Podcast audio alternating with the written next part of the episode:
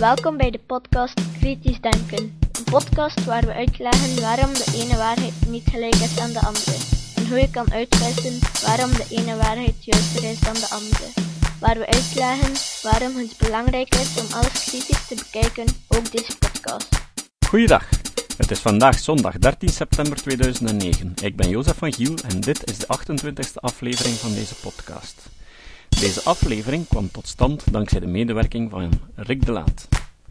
Dit is ook het tweede deel van Verdringing, een essay van Jan de Lender. We willen ook zijn weduwe bedanken, die ons de toestemming gaf om deze tekst te gebruiken. Verdringing van seksuele trauma's. De terugkeer van een oude Freudiaanse theorie. In 1988 publiceerden twee vrouwelijke auteurs, Ellen Bass en Laura Davis in de VS een psychologische bestseller onder de titel The Courage to Heal: A Guide for Women Survivors of Child Sexual Abuse. De auteurs zijn geen psychiaters of psychologen. Ze hebben ook geen maatschappelijk werk gestudeerd. Ze bezitten geen enkele professionele status in het domein dat ze in hun boek behandelen. Ellen Baas, de hoofdauteur van het boek, gaf lessen in creatief schrijven en Laura Davis was een van haar studenten. De centrale thesis van hun boek was deze. Bijna alle psychologische problemen bij volwassen Amerikaanse vrouwen zijn het gevolg van het feit dat ze als kind door een of andere man, meestal een vader, seksueel zijn misbruikt.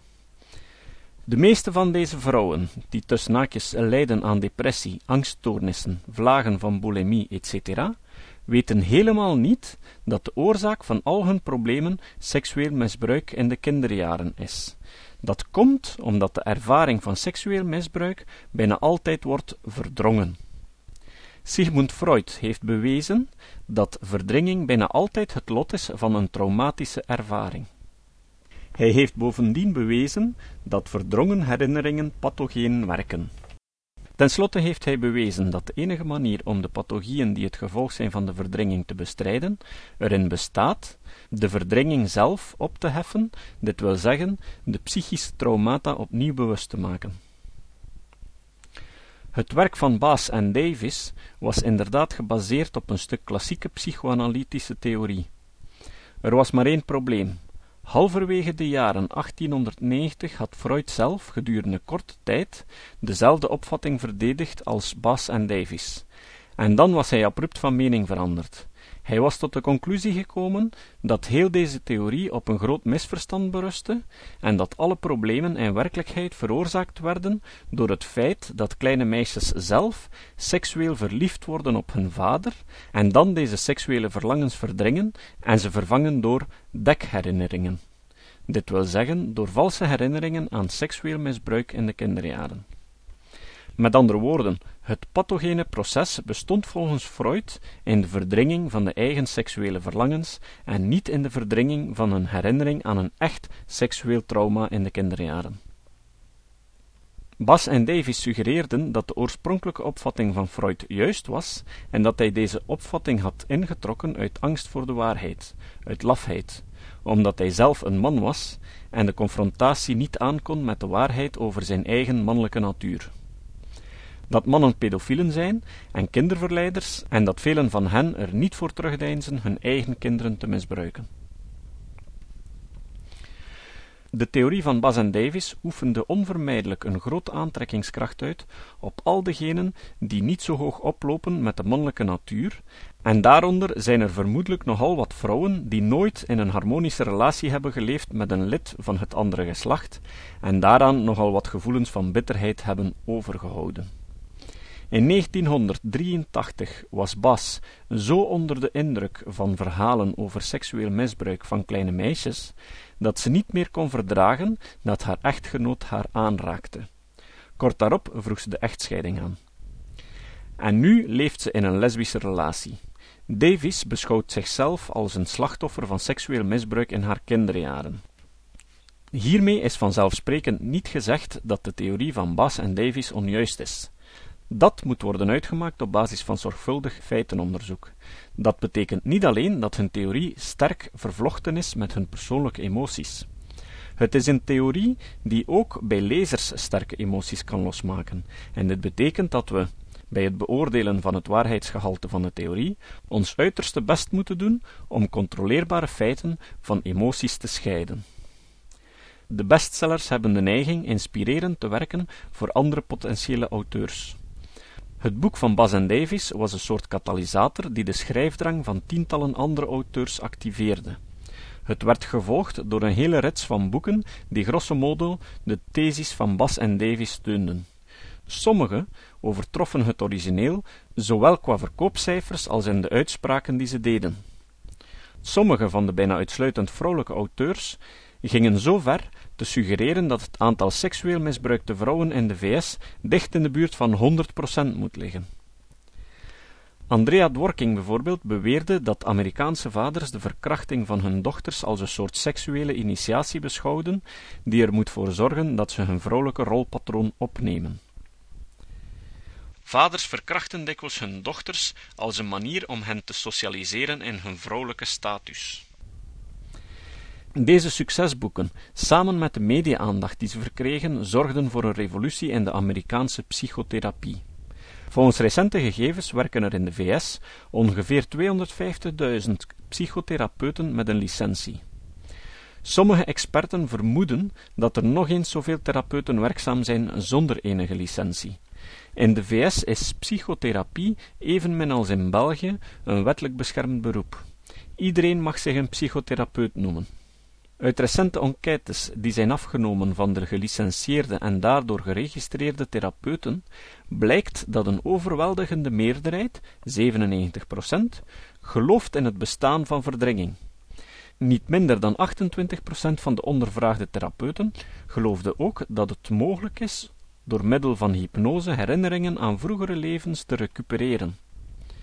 Het lijkt niet overdreven te zeggen dat deze groep van geregistreerde therapeuten de indruk maakt heel wat mensen te bevatten die bereid zijn in allerlei beweringen te geloven, zonder dat er voor die beweringen sterke wetenschappelijke evidentie bestaat. Het lijkt niet onredelijk te vermoeden dat de goedgelovigheid bij de niet geregistreerde therapeuten even groot zal zijn dan bij de geregistreerden. Onder invloed van een handvol populaire boeken en de begeleidende mediahype zijn er op dit ogenblik in de VS vermoedelijk enkele honderdduizenden therapeuten werkzaam die geloven dat de verdringing van herinneringen aan seksueel misbruik in de kinderjaren de belangrijkste oorzaak vormt van psychische problemen bij volwassen vrouwelijke patiënten. Daardoor is er ook een soort epidemie van herwonnen herinneringen, recovered memories, uitgebroken. Honderdduizenden vrouwen zijn ervan overtuigd dat ze zich, dankzij de bemoeiingen van hun therapeut, ervaringen van seksueel misbruik herinneren die voordien tussen aanhalingstekens verdrongen waren. Zo'n overtuiging blijft natuurlijk niet zonder gevolgen.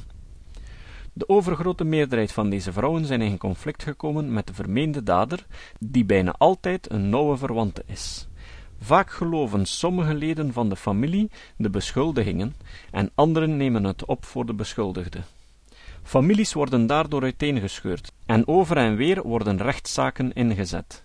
Intussen hebben zich in de VS al een aantal dramatische rechtelijke dwalingen voorgedaan, waarvan de bekendste slachtoffers waarschijnlijk Paul Ingram zijn en de McMartin-familie.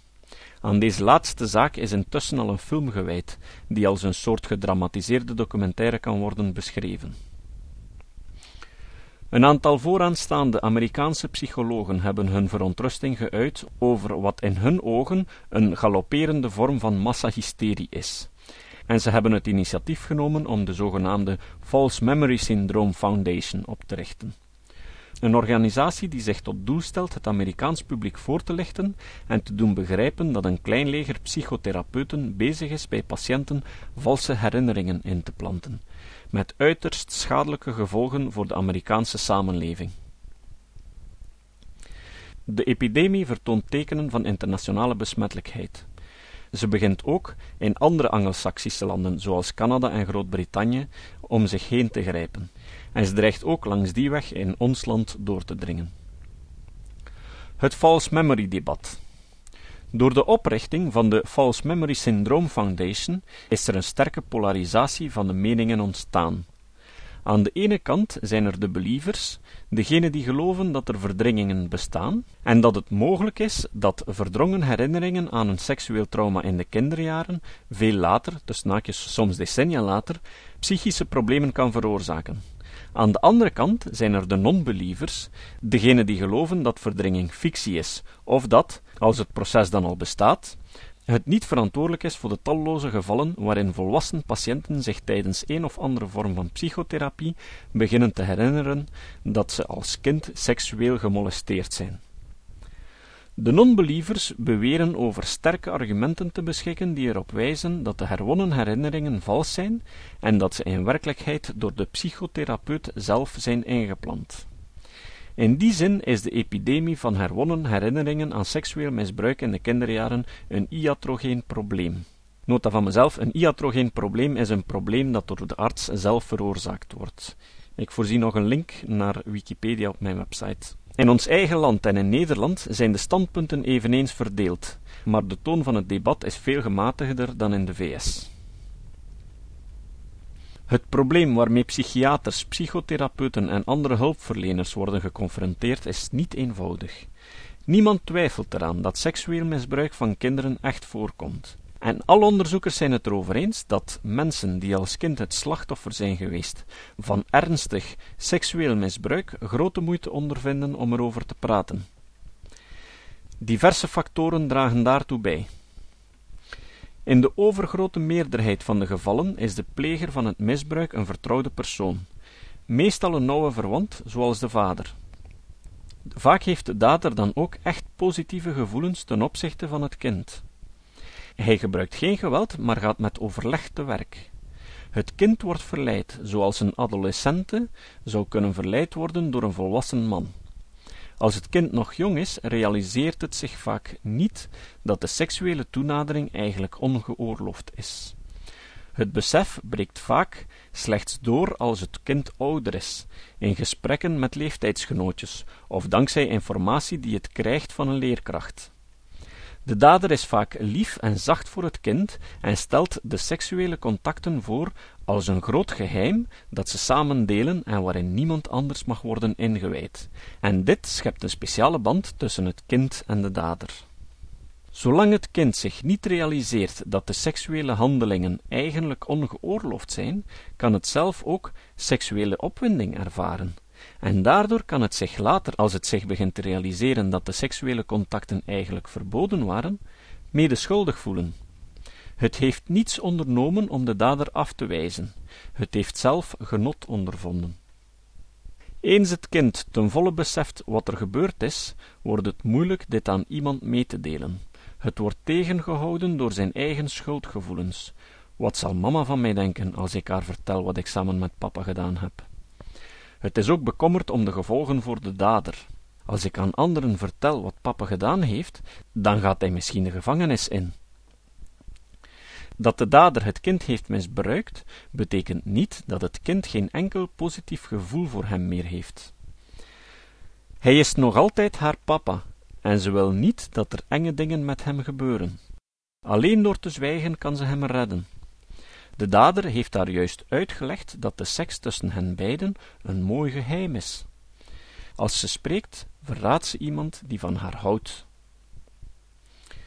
De therapeut moet er dus rekening mee houden dat als iemand echt het slachtoffer is geweest van seksueel misbruik, de persoon het erg moeilijk zal hebben om dat in de therapie ter sprake te brengen. Dat kan de therapeut in de verleiding brengen om zelf actief in de richting van seksueel misbruik te gaan zoeken. Maar dan stelt hij zichzelf en de patiënt bloot aan een ander gevaar. Hij loopt het risico de patiënt ervan te overtuigen dat er in het verleden seksueel misbruik is geweest, terwijl dit in werkelijkheid nooit heeft plaatsgevonden. Zoals we later zullen zien, bestaan er inderdaad goede redenen om te vrezen dat de therapeut ongewild bij de patiënt valse herinneringen aan seksueel misbruik kan inplanten. Het lijkt van het grootste belang dat de therapeut zich van dit gevaar bewust is, maar voor we hierop ingaan, besteden we eerst enige aandacht aan het verdringingsconcept en zijn oorsprong. Dat was het voor vandaag. Volgende keer bespreken we dus de verdringingstheorie en de feilbaarheid van het menselijk geheugen. Het citaat. Het citaat van vandaag is van Alfred North Whitehead. Alfred North Whitehead was een Britse wiskundige, logicus en filosoof uit het begin van de 20e eeuw. In de wiskunde werkte hij samen met Bertrand Russell, die hier ook al aan bod kwam.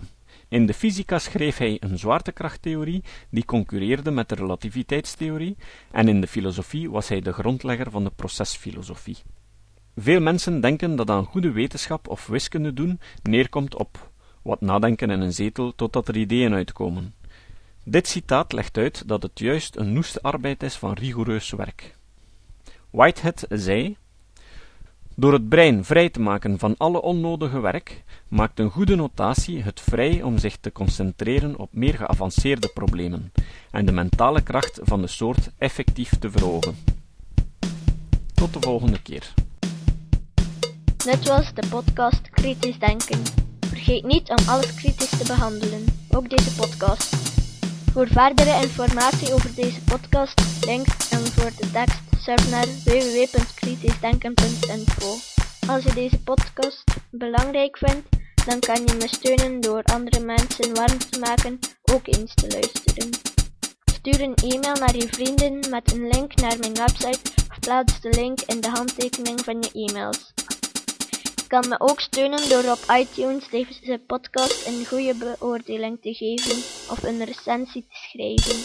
Of je kan op je eigen website of blog een link naar mijn website plaatsen. Hoe meer links, hoe sneller je gevonden wordt op Google. Dat kan beloond worden door een link naar jouw website bij mij.